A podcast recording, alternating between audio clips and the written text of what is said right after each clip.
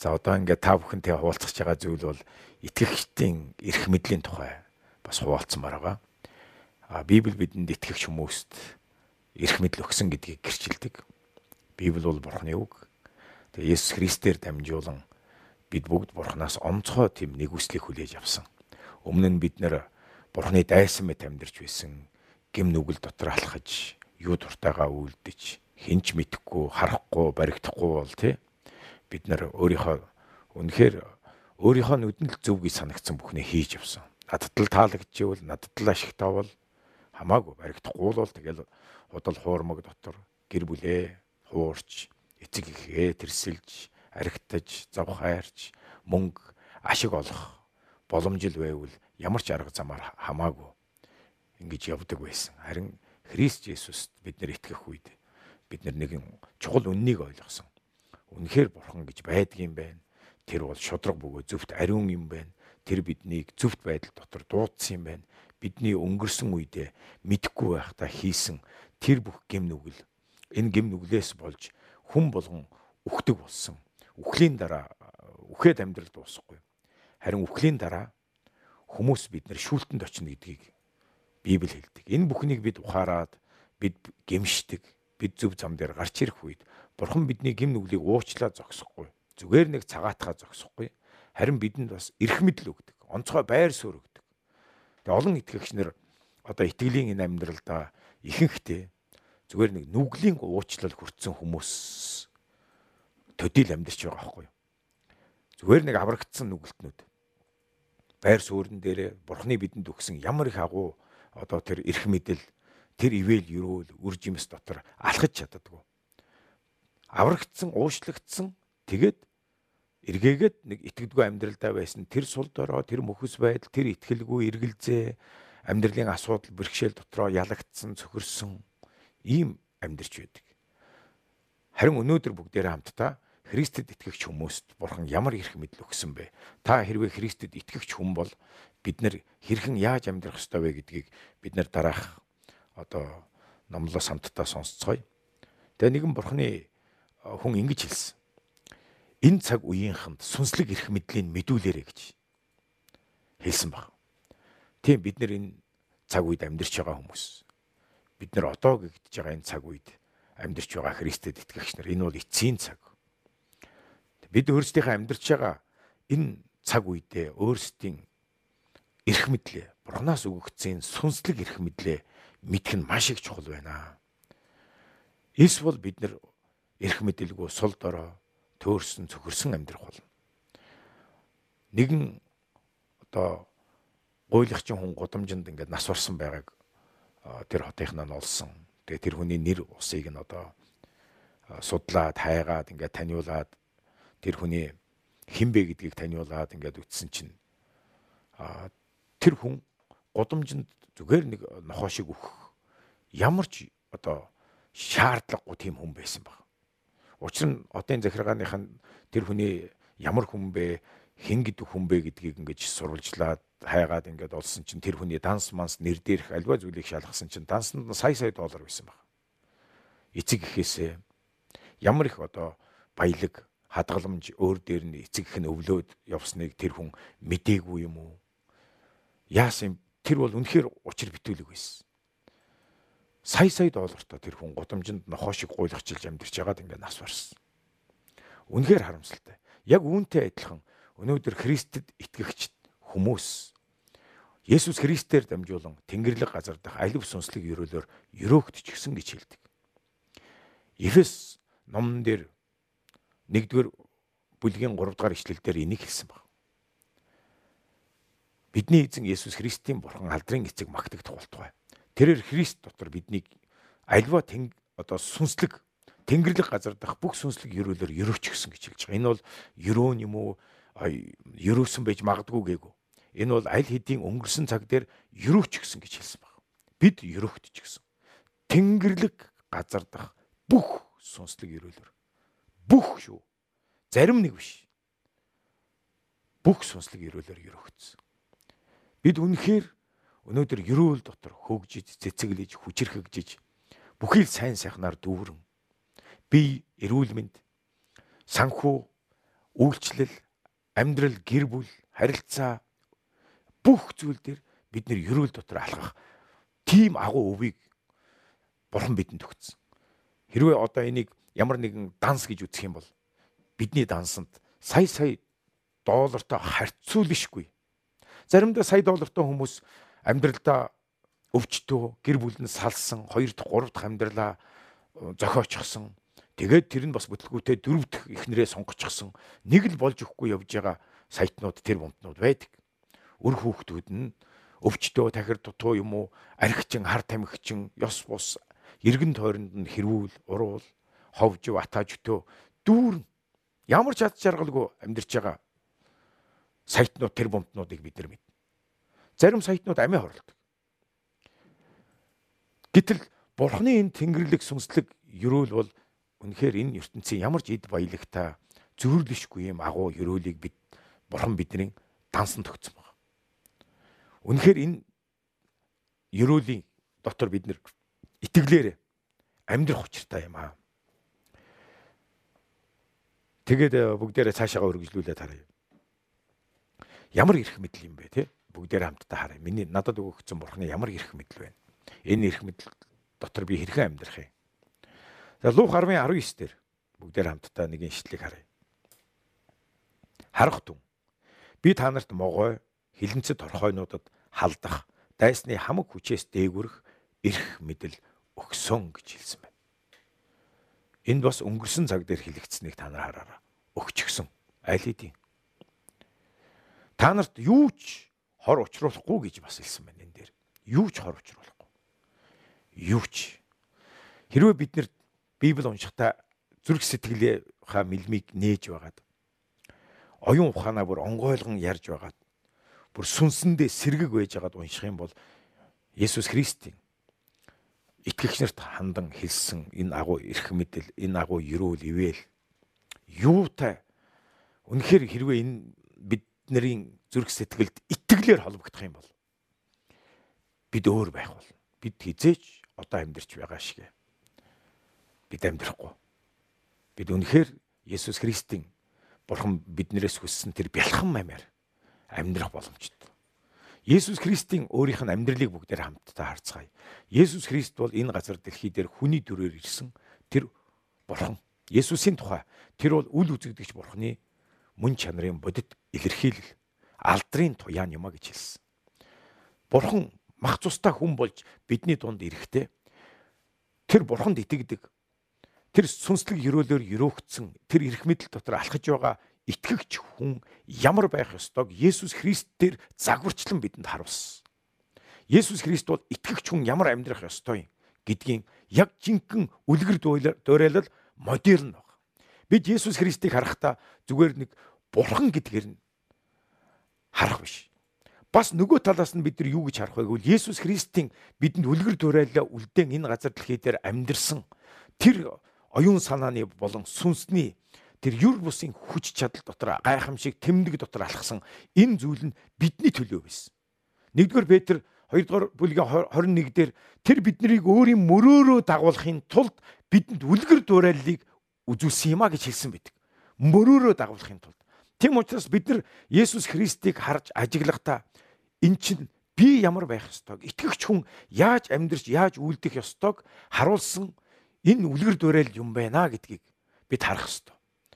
Бид Есүс Христийг харахтаа зүгээр нэг хөндлөнгөөс хараад би хинч биш, би юу ч биш, би чадахгүй. Харин Есүс бол ондоо гэж хараасаа гэж бурхан хүсээгүй юм шүү. Есүс ингэж амьдраагүй. Харин чи миний хийдгийг хэн надаас ч илүү агууг хийж чадна гэдгийг харуулахын тулд ингэж амьдрсан ийм амьдрал байгаа юм аа. Тийм учраас бид нар Есүс Христийг ажиглаж түүнийг үлгэр дуурайлаа болгон өдөр тутам амьдралдаа зан чанартаа ёс суртахуун хэл яриа сүнслэг амьдралдаа үйлчлэлдээ бид нар түн шиг байх нь бурхны хүсэл юм аа. Есүс Лук 10 дугаар бүлгийн 19 дээр сая бидний уншсанчлан та нарт би эрх мэдэл өгсөн гэж хэлсэн. Могой хилэнт торхоонуудад халдах дайсны хамаг хүчээс дээгүрэх. Энэ юун тухай вүлээ гэдгийг бид нар мэдж байгаа. Энэ бол бид нар зүгээр нэг хүн хүмүүсийг захирч дарлаж боолцох тухай ердөөсөө яриаг. Энэ ертөнцийн хүмүүс бол хүмүүсээс дээгүүр байж, бусдыг дарлаж, эрх мэдэлд хүрж, эрх мэдэлтэй байгаагаараа таашаал авч хэм гэдгээ бусдад мэдүүлж таниулахын тулд үнэхээр дүр эсгэж амьдэрдэг. Дарлаж дээрлэж амьдэрдэг. Тэдэнд хайр байдгүй. Харин бурхан бидэнд ямар эрх мэдэл өгсөн юм бэ? Хүмүүсийн дарлах биш. Харин хүмүүст үйлчлэх эрх мэдэл өгсөн. Яг үнэндээ бол тэр хүмүүст үйлчлэх. Тэр сул дорой тех тусмаа бүр ядарсан хүмүүст үйлчлэх.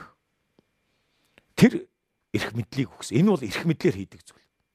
Зарим хүмүүс өөрсдийнхөө нэр алдрын боол учраас өөрийнхөө нэр төрийнхөө боол учраас тэд сул дорой харагдахыг хүсдэг. Яг үнэндээ бол гадна талтаа бол их дүр эс гэж хүчрэхэг эрх мэдэлтэй мөнгөтэй тэр баян тансгаараа гайхуулах гэж оролдог ч үнэндээ бол дотроо ямар ч эрх мэдлгүй сул дорой байдаг. Харин Есүс Христ бол үнэхээр эрх мэдэлтэй. Тэр энэ ертөнцийн одоо хүмүүсийн хардгаар тэр эрх мэдэлтэй ноён дарга байгаагүй. Сая сая доллар, алтан, гулдмай, алмаз байгаагүй. Гэхдээ Есүс үнэхээр хамгийн эрх мэдэлтэй нэг юм байсан. Тэр хинээс ч яагаагүй, хинт ч тал тасаагүй, хинт ч бялдуучлаагүй. Тэр хүмүүст үйлчилж байсан. Тэр хүүхдүүдийг хайрлаж байсан. Тэр ядуусыг инэрч байсан. Тэр хүмүүс нэр бод төрөө бодоод гимт хэрэгтэн алуурчин тэр бусад заллим эхлэгч худал хуурмаг хулгайч архичдаас зүхтааж дүүлж тэдэнтэй уулзчвал тэдэнтэй нэг ярилцчвал доош нь орчих واخ гэж бодож нэр төрийнхөө боол хоригдл явж исэн хүмүүсээс Есүс маш өөр байсан. Харин Есүс тэднэр дээр очисон, уулзсан, нөхрөлсөн, хамт хоол идсэн. Есүс тэднийг хүлээж авч ирсэн. Есүс бол жинхэнэ эрх мэдэлтэй, жинхэнэ эрх чөлөөтэй байсан. Хинээс ч хамаарахгүй ариун дархан амьдрч чадсан. Тэгээ энэ бол итгэгч хүн ямар амьдрах ёстой? Тэр үлгэр дуурайл гэдгийг бид нэр ойлгох хэрэгтэй. Итгэгчдэд Есүс энэ эрх мэдэл дагалдах тэмдгийг бас өгсөн гэж Марк 16-гийн 17-оос 18 дээр Есүс Христ өөрөө хэлсэн баг. Надад итгэгчдэд энэ тэмдгүүд дагалдах болно гэж хэлсэн. Миний нэрээр тэд чөтгөрүүдийг зайлуулж шин хэлээр ярих болно. Тэд могоог барина. Бас өхүүлэх ямар ч юм уусан тэд уусан тэр нь тэдэнд хор болохгүй гэж хэлсэн.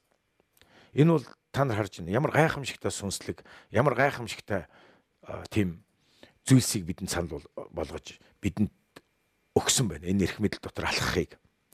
Өвчтөн хүн дээр тэр гар тавьбал идэгрэнэ гэсэн. Тэгэхээр Есүс Христийн итгэгчнэрт өгч байгаа энэ эрх мэдэл бол зүгээр нэг одоо хүмүүсийг захирах тухай биш. Харин хүмүүсийг боолчилж байгаа. Хүмүүсийг бузар муухай, ядуурл, гуйланчлал, хараал, үхэл рүү хөтлж байгаа. Бузар муу гим нүгэл рүү уруу татан удирдах, нөлөөлж, дарлахыг оролдож байгаа. Тэр харанхуй хүч, тэр сүнслэг хүчнүүдийг захирах эрх мэдлийг өгсөн баг. Тийм учраас итгэгч нар эрх мэдлээ мэднэ гэдэг бол маш их чухал. Би хэн бэ гэдэг. Христ дотор би хэн бэ? Христ Есүс надад ямар их агуу эрх мэдэл өгсөн юм бэ? Энэ эрх мэдэл дотроо бид нар алхах нь бол маш их чухал юм аа. Бид нар чөтгөрүүдийг зайлуулж тэдэнд олзлогдсон тэр хүмүүсийг бид нэр хараалаас эрүүл рүү харанхуугаас гэрэл рүү тэр мөнхийн үхэл болсон там руу явж байгаа хүмүүсийг бид нэр амь руу шилжүүлэх ийм дуудлагатай байна. Өвчтөн хүн дээр гар тавьбал идгэрнэ гэж хэлсэн. Тийм учраас итгэгч нарт энэ гайхамшигтай тэмдэг дагалддаг. Энэ үнд итгэж байгаа хүмүүст. Тийм учраас та бүхнийг би уриалж байна. Өөрийнхөө бурхнаас авсан байр суурь, эрх мэдэл дотроо алхаараа Есүс Христийг өөрийнхөө үлгэр дуурайлаа болгон Есүс Христийн амьдралыг харахтаа энэ бол миний амьдрах ёстой амьдрал гэдгээр та нар харж байгаараа гэж би та нарыг уриалж байна. Танд эрх мэдэл өгөгдсөн гэж Библи хэлдэг. Тэгээ замын цагдаа тий замын тэр төгжрэл дунд зогсоод өөрийнхөө гарыг өргөх үед тэр дохиорыг өргөх үед замын хөдөлгөөн зогсдог баг. Тэгээ тэр өргөж байгаа саваа нь ид чидтэй байгаа даа биш. Тэр замын цагдаагийн гар нь одоо эрх мэдэл хүчтэй байгаа даа биш. Ид чидтэй биш юм. Тэдний гар нь бусдаас нэг онцгой гар учраас биш. Харин тэдэнд Монгол улсын төр засаг захиргаа өгсөн эрх мэдэл байгаа учраас тэдний ард тэр зам дээр автомашины хөдөлгөөнийг зохицуулж яваа тэр замын цагдаагийн ард бүхэл бүтэн Монгол улсын засаг захиргаа Монгол улсын төр тэр хүний ард зогсож байгаа. Тэр Монгол улсын засаг захиргаа төрийг төлөөлөн зогсож байгаа учраас хүмүүс түнд захирагдаж байна. Автомашинууд зогсож байгаа. Хэрвээ тэднийг үл ошоовол юу болох вэ? Хэрвээ тэднийг үл ошоовол Монгол улсын төр засгийг эсэргүүцэхтэй л адилхан. Энэ бол хуулийн хариуцлага хүлээн. Энэ бол гэмт хэрэг болно. Мөн Библи бидэнд харанхуй хүч тэр альва дайсны хүчээс дээгүрэх эрх мэдлийг өвч өвчнийг эдгэх бузар сүнснүүдийг захирах тэр эрх мэдэл өгснөөс гадна бас нэгэн гайхалтай үнэхээр юрүүлтэй нэгэн одоо эрх мэдлийг өгсөн байна л д. Тэгээ энэ тухай бүгдээрээ Колосой номны 2 дугаар бүлгийн 20-с 23 дээр хамтдаа эхлээ уншаад. Та нар хорвоогийн язгуур юмсын тухайд Христтэй хамт үхсэн л бол юунд хорвоод амьдарч байгаа юм шиг өөрсдийгөө зарлиг тогтоолд захируулж барьж амсаж хүрч болохгүй гих хэрэгэлцснээр мөхөх тавилантай бүхэн хүний сургаал ба тушаалуудын дагуу байх гээд байгаа юм бэ. Эдгээр нь өөрсдийн бий болгосон шашны үзэгдэл болоод хуурамч даруй байдал мөн мөн биеийг зовоох байдлаар мэрэгэн ухаан мэт үзэгдэвч үүнд махбодын хүслийн эсрэг ямар ч нэмэр байхгүй гэж хэлсэн баг. Өнөөдөр Христ Есүст итгэгч хүмүүст энэ хорвоогийн энэ дэлхийн тэр үндсэн зарчим ямар нэгэн бусад тэр тогтолцоо одоо энэ хорвоогийн язгуур үндсэн зарчим нөлөөлөхөө болчдөг. За жишээлбэл энэ юу вэ гэвэл одоо өдөр судар сахих, гарсан өдрийн гариг, төрсөн өдрийн төөрөг, зурхай, час өдөр гэл бид нар янз бүрийн юмд өмнө бид нар Христийг мэдэхгүй байхдаа олон зүйлд бид нар тийм хүлээстэй юм шиг амьдарч байсан, хоригдож байсан. Заримдаа аян замд гарах гэхлээр болохгүй өдөр таарна. Өдөр судраа харах хэрэгтэй болно. Үсээ засуулах гэдэг болдгоо өдөр. Тэгээ тэр өдрөнд засуулчихлаар ингээ асуудал гардаг ч юм уу жас өдрөө явчихлаар аваар осолд орчих гээд байдаг. Хагасаа өдөр нэг э, цагаан эдээ гэрээсээ гарах гэхээр хөдөөний айлууд тэгдэг штеп. Үнэний дэлгэн ширэх чинь цагаан эдээ гаргадаг өдөр энэ төргээд ингээ хорвогийн үндсэн зарчим эсвэл одоо хумхийн ордных нь хилэнцгийн ордных нь ийм ийм ийм занчнаартаа энэ хүрээнд л байна. Эсвэл одоо нэг хүнтэй хайр сэтгэлтэй болоод ингээд амьдрал зохиогоод ингээ гэрлэх гэсэн чинь харш жилтэй болдог. Миний аав ээж хоёр 8 хүүхдээ өнжрүүлээс алсан шалтгаан нь бас л тийм биш. Өр хүүхдүүд нь өвч өвчлөөд тэгээд миний хоёр ах маань одоо зурдаар нас барсан. Тэр үед ламд хүмүүд үзүүлэхэд та хоёр харж жилтэй юм байна. Та хоёр одоо салахгүй үлдсэн бүх хүүхдүүд чи үхэж дуусна гэж хэлсэн. Тэг үлдсэн хүүхдүүдэд амьд байлгахын тулд, эрүүл байлгахын тулд аав ээж хоёр маань ингээд хүсээгүй хэрнээ ингээд салаа явсан. Гэтэл энэ үнчрэл аавгүй болсон маань бидний амьдралыг үнэхээр нэрвсэн. Аавгүй болсон амьдрал маань миний амьдралыг оронгоор нэрвсэн. Зүрх сэтгэл маань хоосорсон, хөндөрсөн, гэр бүл маань хоосорч хоцорсон. Ээж маань өр хүүхдээ тижих гэж зовсон. Аав маань ч гэсэндээ ингээд хотоосоо ингээд гараад хол газар ингээд очиод амьдэрсэн. Амьдрахын эрхэнд хүнтэй суугаад ингээд өр хүүхд бас нэг өнчин эцэггүй хүний аав болсон л доо. Тэгээ бидний хувьд бол Үнэхээр амьдрал миний хувьд бол үнэхээр амьдралыг минь оронгоор эргүүлсэн зүйл болж ирсэн. А харин Христ Есүст итгэгч хүмүүс Колосой номны саяны 2-ын 20-оос 23-ын дагуу сагснараа мөхөх тавилантай хорвоогийн язгуур юмс гэж хэлсэн. Үнэн дээр бол энэ хорвоогийн язгуур зүйлс энэ гарсан өдрийн гариг энэ өдөр судар одоо сахиад даглаа гэд бид нар ад жаргалтай болдгоо. Яг үнэндээ бол Христ итгэл зөнхөлсөн Европ, Америкийн улс үндэстнүүдэд орнуудад хүмүүс өдөр судар дагаал тэр болгон зурхаа хараад ингээд байдгүй шүү дээ. Эрүүл ухаан дээр Библи суурьтай боловсрал, Библи суурьтай соёл, хүмүүжил дотор ингэж тэд, тэд өссөн байдаг. Хамгийн сайхан соёлцсон нийгмийг эрүүл зөв харилцаа, хүндэтгэл, үнэн шудраг зөвхт байдал дотор ингээд хөгжсөн нийгмийг нь бид нэр одоо харж байна л т. Гэтэл энэ хорвогийн үндсэн зарчим үнэндээ бол биднэрт үнэндээ бол энэ бүхнийг дагснараа эцээ эцэд бид тэгэл улмал мухардаал төөрөлдөөл мөхнө гэдгийг Библи бидэнд хэлдэг. Юунд энэ зүйлийн дотор та нар явах гээд байгаа юм бэ гэж хэлж байгаа. Харин Христ Есүс дотор бид нар Бурхан биднийг энэ хорвогийн үндсэн зарчимд зарчмаас чөлөөлчдөг. Харин энэ үндсэн зарчмаас дээгүүр амьдралтай болдог. Тэгээ миний амьдралыг нэг Христ Есүс дотор эрх чөлөөтэй болгосон Есүс Христийн хэлсэн үг байдаг. Тухайн үед бол Евдэн шашинтнууд амралтын өдрийг сахиж энэ амралтын өдөр бол ажил хийж болохгүй гэж хэлдэг. Амрах ёстой. Энэ бол буруу биш л дээ. Хүн 7 хоногт нэг өдөр амрах ёстой. Амралтын өдөр бол энэ шабат өдөр. Энэ өдөр амрах ёстой. Тэгээд энэ өдөр амрахтаа ирж байгаа 7 хоногтой ажиллаж амьдрах тэр хүч чадлыг авдаг. Энэ амарч байгаа өдрүүдэд гэр бүлдээ цаг гаргаж, үр хүүхдүүдтэйгээ сайхан цаг гаргаж, Библийг уншиж, Бурханд мөрглийг үлдэж, өрглийг өргөж ингэж явах хэвээр юм цагийг тогтоосон чинь энийг ингээд нөгөө эвдээчүүд хавтгайруулад бүр шашинжуулаад хүн одоо альва юмыг шашинжуулахдаа айгу мэрэгжлийн гэж хэлсэн байгаа юм л да. Тэгэд яасан гэсэн чинь бүр баг энэ өдөр өлсөж байгаа хүн хоол идэж хоол хийж идэж болохгүй. За бэлдсэн хоолоо идэж болно. А гэтэл энэ амралтын өдөр тэр байтга өвчтөн хүнийг идгээж болохгүй гэж хэлсэн баг. Бүүр ингээ шашинжуулаад гажууд уцсан. Тэгээ Есүс Христ юу гэсэн бэ гэхээр хэлсэн байл л хүн амралтын өдрийн төлөө бүтээгдээгүй. Харин амралтын өдөр бол хүний төлөө бүтээгдсэн юм. Хүний хүү бол амралтын өдрийн эзэн юм гэж Есүс Христ өөрийгөө хэлсэн баг. Би бол амралтын өдрийн эзэн юм. Тэгээ би үүнийг уншаад үнэхээр ямар сайхан юм бэ? Хүн өдрүүдийн боол биш гинэ. Өмнө нь бол бид нэр яг энэ хорвоогийн язгуур үндсэн зарчимд захирагдаж жас өдөр тэгжиж болохгүй өдөр ингэчж үсээ засуулж болохгүй өдөр ийм одоо гариг жилтэй хүнтэй таарахгүй учраас энэ хүнд хичнээн хайртай болсон ч одоо тэгэл бараг найдваргүй юм уу? Энэ бүхэнд ингэж захируулж хүлэгдэж боочлогдож явсан чинь үгүй юм байна. Бурхан муу өдрийг бүтээгээгүй юм байна. Христ Есүс дотор та энэ хорвоогийн үндсэн зарчим язгуур зүйлсээс чөлөөлөгдөж харин та үнэхээр жинхэнэ эрх чөлөө тэнгэрлэг газар дах бүх сүнслэг өрөөлөөр явах боломжтой гэдгийг бурхан бидэнд Христ бидэнд энэ эрх чөлөөг өгсөн. Та энэ эрх мэдэл дотор яваарай.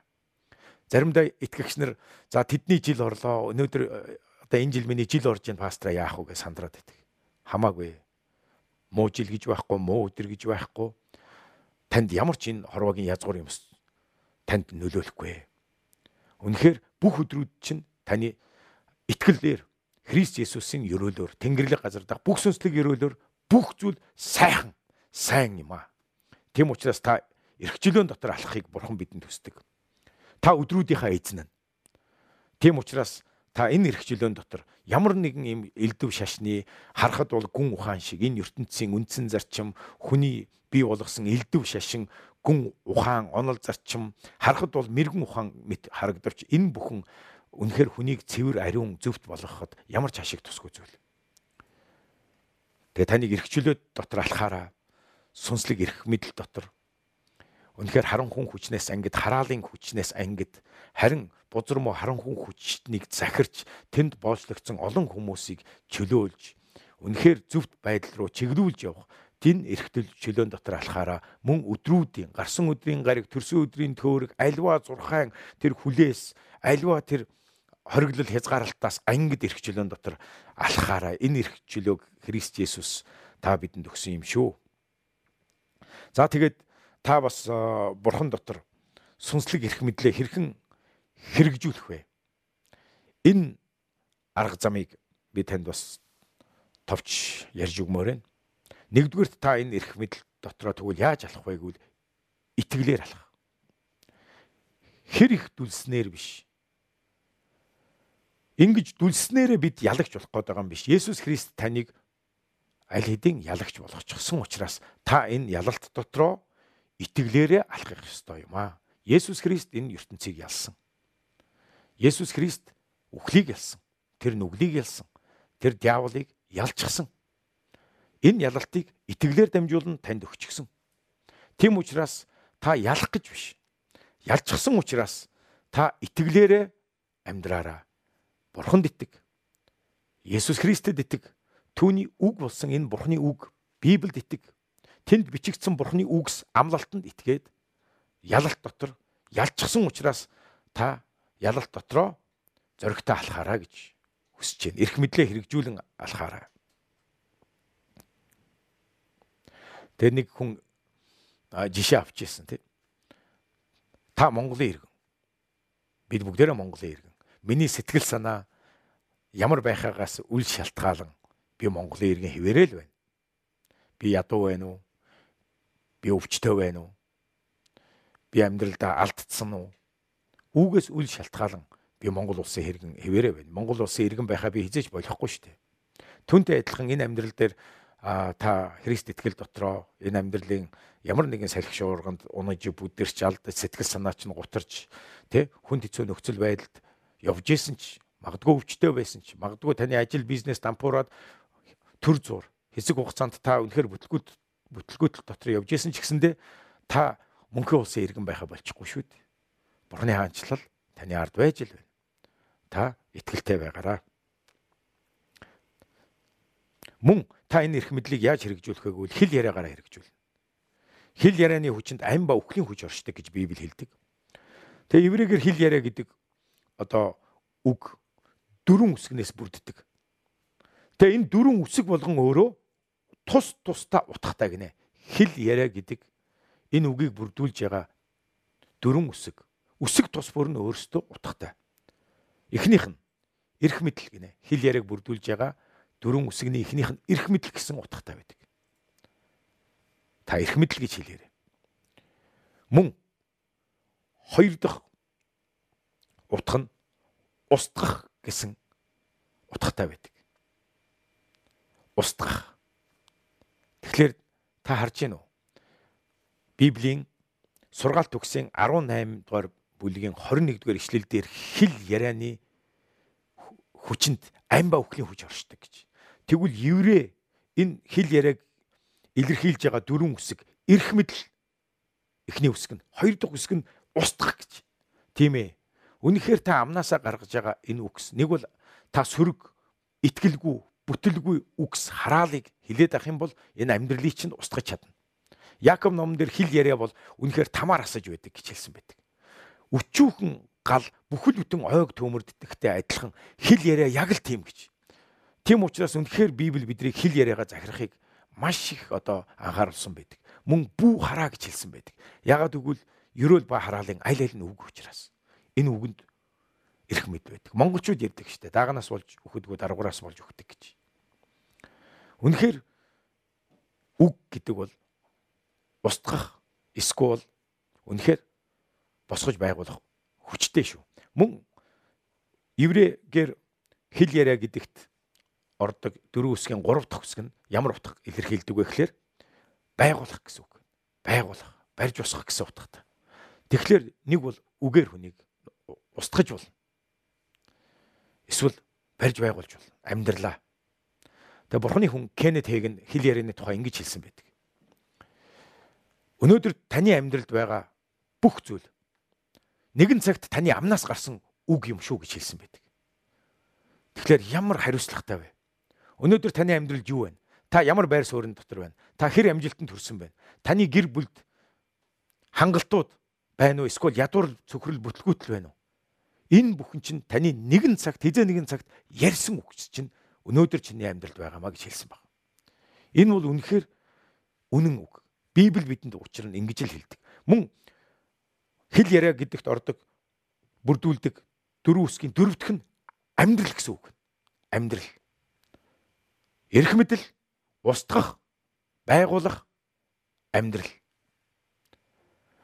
Тэм учраас та сүнслэг энэ эрх мэдлийг мэдл дотор итгэлээр зогсоод Бурхан танд өгсөн нэгэнт ялалтыг өгсөн, нэгэнт эрх мэдлийг өгсөн гэдгээ та итгэлээр Бурханы үгтэй холбогдож байр суурин дээр зогсоод эрх мэдлээ итгэлээр хэрэгжүүлэхдээ бас хэл яриагаараа хэрэгжүүл. Хараал сөрөг өгс бүтлгүүтэл цөхрлийг бити тунхаглаарай.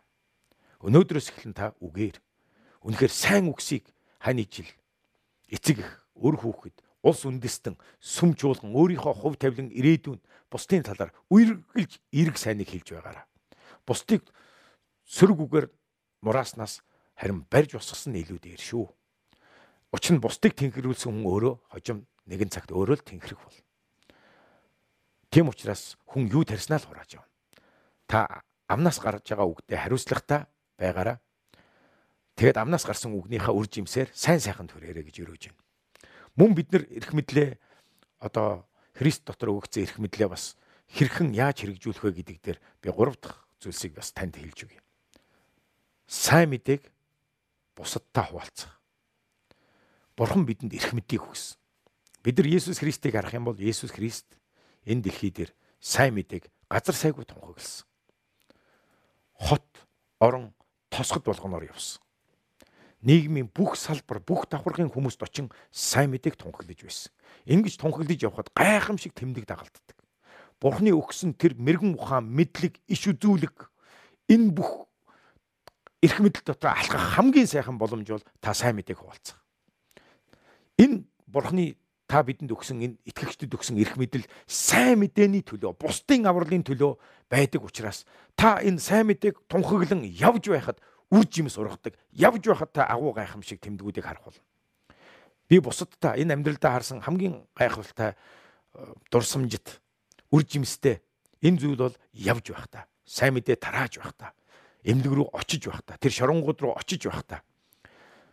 Бусад хот аймаг орон нутг руу явж байх та явж байхдаа би бурхан яаж хамт байгааг бурханы юр бүсийн хүч чадал эдгэрэл тосолгоо хэрхэн урсаж байгааг харсан. Миний сүм дотор сүмийн тайзан дээр үйлдсэн эдгэрэл гайхамшигаас илүү үнэндээ бол миний амьдралд тохиолдсон хамгийн илүү агуу гайхамшгууд хаана болсон бэ гэхээр гудамжинд, шоронд, таран шаанд эсвэл хэн нэгний өвчтөе хүмүүсийн хэн нэгний зов зүдэрсэн айлын герт очиод залбирч байх үед энэ бүхэн болж байсан юм шүү. Тийм учраас үнэхээр сайн мэдээг та тунхаглаасай. Сайн мэдээг өдөр болгон тунхаглаж итгэлээ хуваалцаж айлаас айлд очиж зов зүдэрсэн өвчтөе зовлонтой тэр хүмүүс рүү та нар очиж байгаараа. Үнэхээр энэ эрх мэдэл яг үнэндээ бол үүний төлөө л өгөгдсөн юм шүү. Есүс Христ бүгд дарлагдах стыг чөлөөлж газар сайгүй явж байсан юм шүү. Бурхны хүү үзүүлэгдсэн нь диаволын үлсийг устгахаар ирсэн. Бидэнд өгөгдсөн энэ эрх мэдэл дайсны хамаг хүчээс дээгүүрэх могоо хилэнцэд торхойнуудад халдах буюу тэр чөтгөрийн сүнсийг хэлж байгаа. Тэр бүх эрх мэдэл сайн мэдээг тараан явхад тэр зовж зүдэрч байгаа бүгд дарлагдсан тэр хүмүүсийн төлөө явж яхад энэ эрх мэдэл дотор энэ эрх мэдэл дотор хөдөлдөг байна. За мөн энэ эрх мэдлийг хэрхэн хэрэгжүүлэхээ та нар хэлэхгүй юу? Магтаал хүндэтгэл. Израилийн магтаал дунд эзэн синтез залрагч гэж хэлсэн. Дуулал 22-ын 3 дээр. Эзэн магтаал хүндэтгэл дотор синтез залардаг. Үнэхээр Библиэл дээрх бидний хүн болгоны мэддэг Йехошафат хааны үед маш олон айрам цэрэг бүслэж Иудаг устгахаар үнэхээр асар олон цэрэг айрам цуглардсан Иерусалим хот бүслэгдсэн байх үед Йехошафат хаан айрмынхаа өмнө магтагчдыг гаргаж, хөгжимчдийг, дуучдыг, бүжигчдийг гаргаж эзнийг магтаж байсан. Эзэн бол сайн. Түүний хайр инэрл мөнхийн мөнхөд гэж амьдралын хамгийн хэцүү аимшигтай нөхцөл байдалд тэд зүгээр л магтанд болсон баг. Ихэнхдээ харамсалтай нь олон итгэгч нар одоо амьдралынхаа хүн хэцүү үедээ магтан дуулдгуу залбирдгүү. Харин эсрэгээр нь гомдлож, дургуутсаж, амнаасаа үргэлж сөрөг айл хэдийн ялагдцсан тэр үгсийг хэлж байдаг. Хизээч ингэж болохгүй. Йохошафат хааны хүн төрлөختний түүхэнд үнэхээр шагшрам нэгэн гайхалтай ялалт дайснууд нь асар хүчтэй асар олон.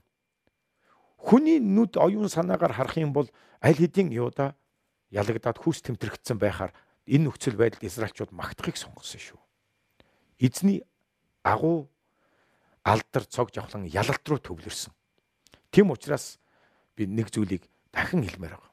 Бид ялахын тулд төлөх бишээ. Ялчихсан учраас бид итгэл итгэлээр энэ ялалт дотор амьдарч бид магтаал дунд бидний магтаал тулаан төвтэй магтаал байх ёсгүй юм л да яг үнэндээ бол бидний магтаал бол таны магтаал бол Есүс Христ нэгэнт ялчихсан учраас та ялчихсан учраас ялалтын магтаал тулаан төвтэй биш Есүс Христийн ялалт төвтэй ийм магтаалуудыг дуулж байгаараа. Тэр үед дайснууд чинь таны амьдралаас бүх сорилтуудаа бараад зүхтаан зайлах болно.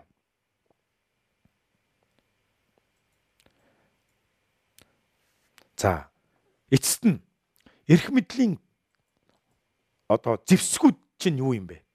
Сая би эрх мэдлээ хэрхэн хэрэгжүүлэх вэ гэдэг талаар би та нартай хуваалцсан.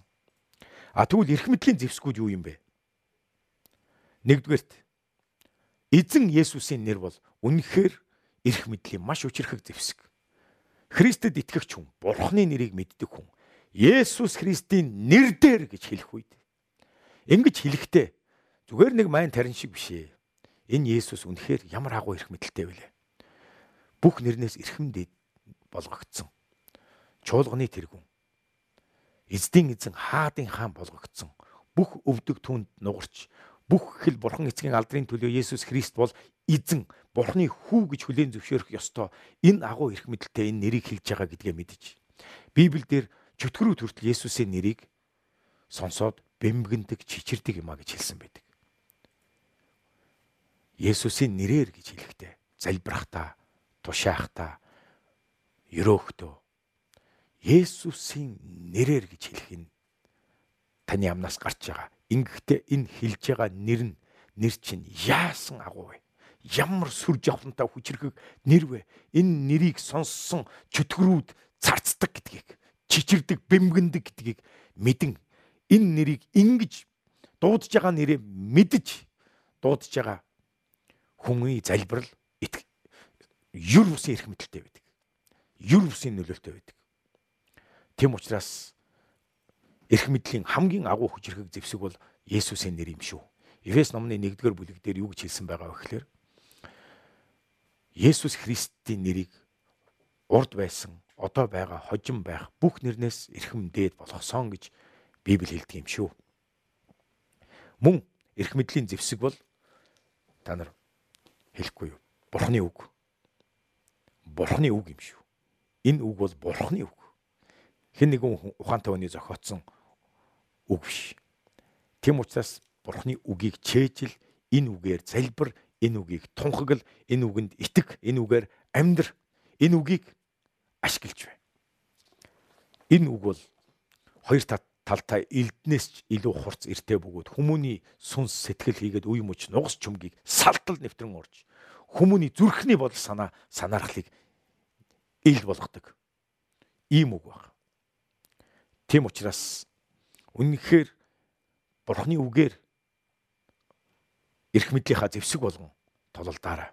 Есүс цөлд сатанта тулгарх үед ингэж бичигдсэн байдаг юм а гэж хэлэн бурхны үгээр сатаныг эсэргүүцэж байсан юм шүү. Мөн эрх мэдлийн бас нэгэн хүчрхэг зэвсэг бол Христийн цус. Бид нар бас хурганы цус гэж хэлдэг. Есүс Христийн цусаар цацагдсан бид гим нүглээ уучлуулан зөвтгөгддөг. Илчилт номон дээр ингэж хэлсэн байдаг. Ариун хүмүүс Бурхны хүмүүсийг өдөр шөнөгүй буруутгадаг тэр диаволыг тэр сатаныг юугаар ялсан бэ гэсэн чинь гэрчлийн үгээр болон хурганы цусаар ялсан юм а гэж хэлсэн байдаг. Үнэхээр хурганы цус бол диаволыг эсэргүүцэх, таны хувь тавилангийн эсрэг зогсож байгаа, тамаас ирж байгаа бүх хараал, бүх саадыг эсэргүүцэх маш хүчрхэг зэвсэг бол хурганы цус байдаг. Христийн цус. Түүний цусаар цацагдсан, түүний цусанд итгэдэг. Түүний цусаар бид нэр үнэхээр тунхаглах үед үнэхээр альва хараал бидэнд наалддаггүй юм. Бидний дээгүүр өнгөрдөг. Үүний тулд л Есүс Христ цусаа урсгасан юм. Энэ хурганы цус биднийг диаволын өмнө төдийгөө бурхны өмнө ямар ч буруутгах зүйлгүй цэвэр бөгөөд зөвхт болгон зогсоож чаддаг зүйл байна.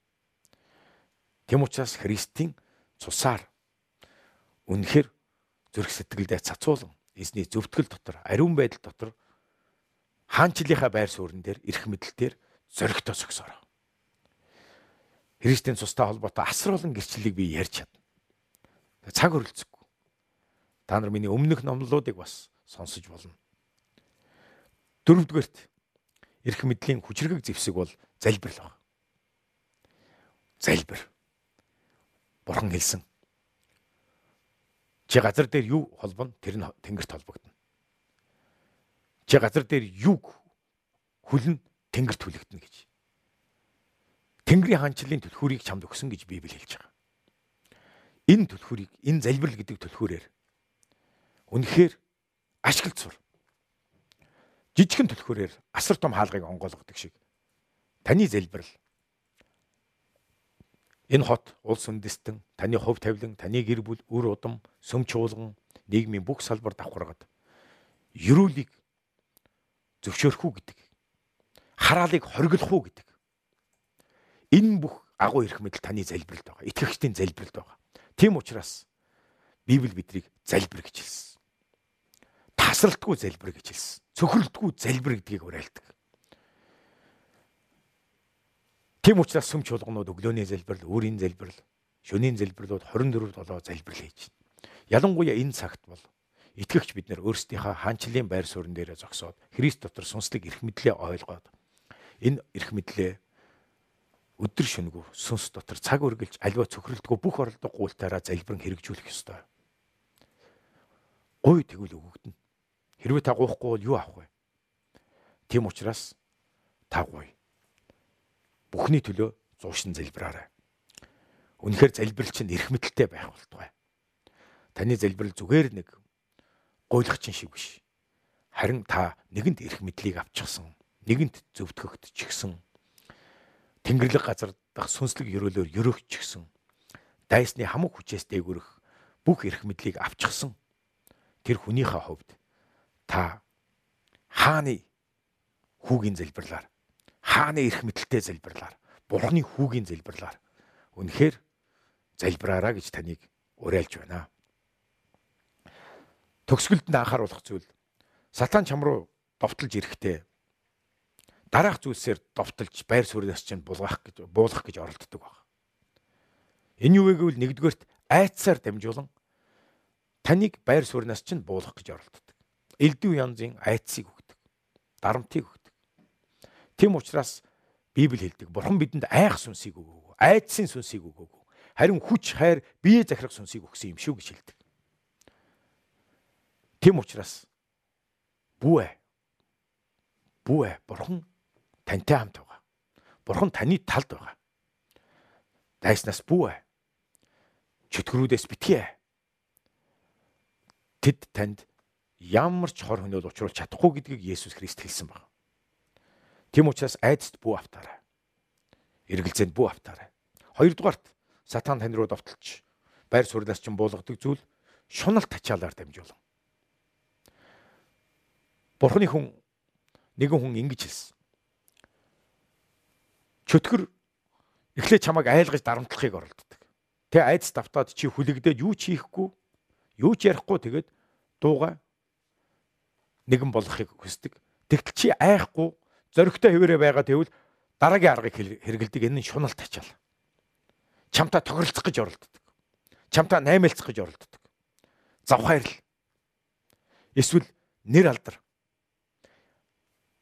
Ирэх мэдэлд шунах шунлаар дамжуулан тантай тохиролцож байр суурнаас чинь хазаалах гэж оролддог байна. Тэм учраас та шунан тачаадаж болохгүй. Юунд ирэх мэдэлд нэр алдрыг шунаж эрх мэдэлд шунаж болохгүй. Мөнгөнд шунаж болохгүй. Эсвэл эмх эмс огтд тэр завхааралд шунахаарж болохгүй. Тачаадаж болохгүй. Юм бол та үнэхээр унах бол энэ шунал тачаалын гурван том нөх байгаа. Шунал тачаалаар унагадаг гурван том нөх нь эрх мэдэлд дурлах. Тэр шунлаар чинь унгаах гэж оролддог. Эсвэл эд баялагч шунлах шунлаар таныг унгаах гэж оролддог. Гурав дахь нь эмс огтд тачаад уулж эсрэг хүстэнд чинь хүстнүүдээр дамжуулан таныг энэ ухсан занг нөхөнд унгааж таныг хаанчлалын байр сууриас буулгах гэж оролддог. Тийм учраас Библи биднийг завхаарлаас зугт гэж хэлсэн. Амьдрал чинь мөнгийг хайрлахаас эрх чөлөөтэй байг гэж хэлсэн. Учир нь альва бузар мухагийн үндэс бол эд баялагийг тэр мөнгөн шунан шунахаарч хайрлах нь юм шүү гэж хэлсэн байдаг эрх мэдэл шунан дурласнаар үнэхээр бас энэ бардамлаар соригдсон ундаг учраас. Тэм учраас эдгээр одоо замуудаар чөтгөр тань руу довтлон ирэх үе. Энэ бүхнээс зүрх сэтгэлээ хамгаалж хаанчлалынхаа байр суурин дээрээ зогсоороо. Диаволта битгээд тохироороо. Бити наймалцаараа. Тэр бол худалч хуурмаг бөгөөд худал хуурмгийн эцэг нь юм гэж хэлсэн.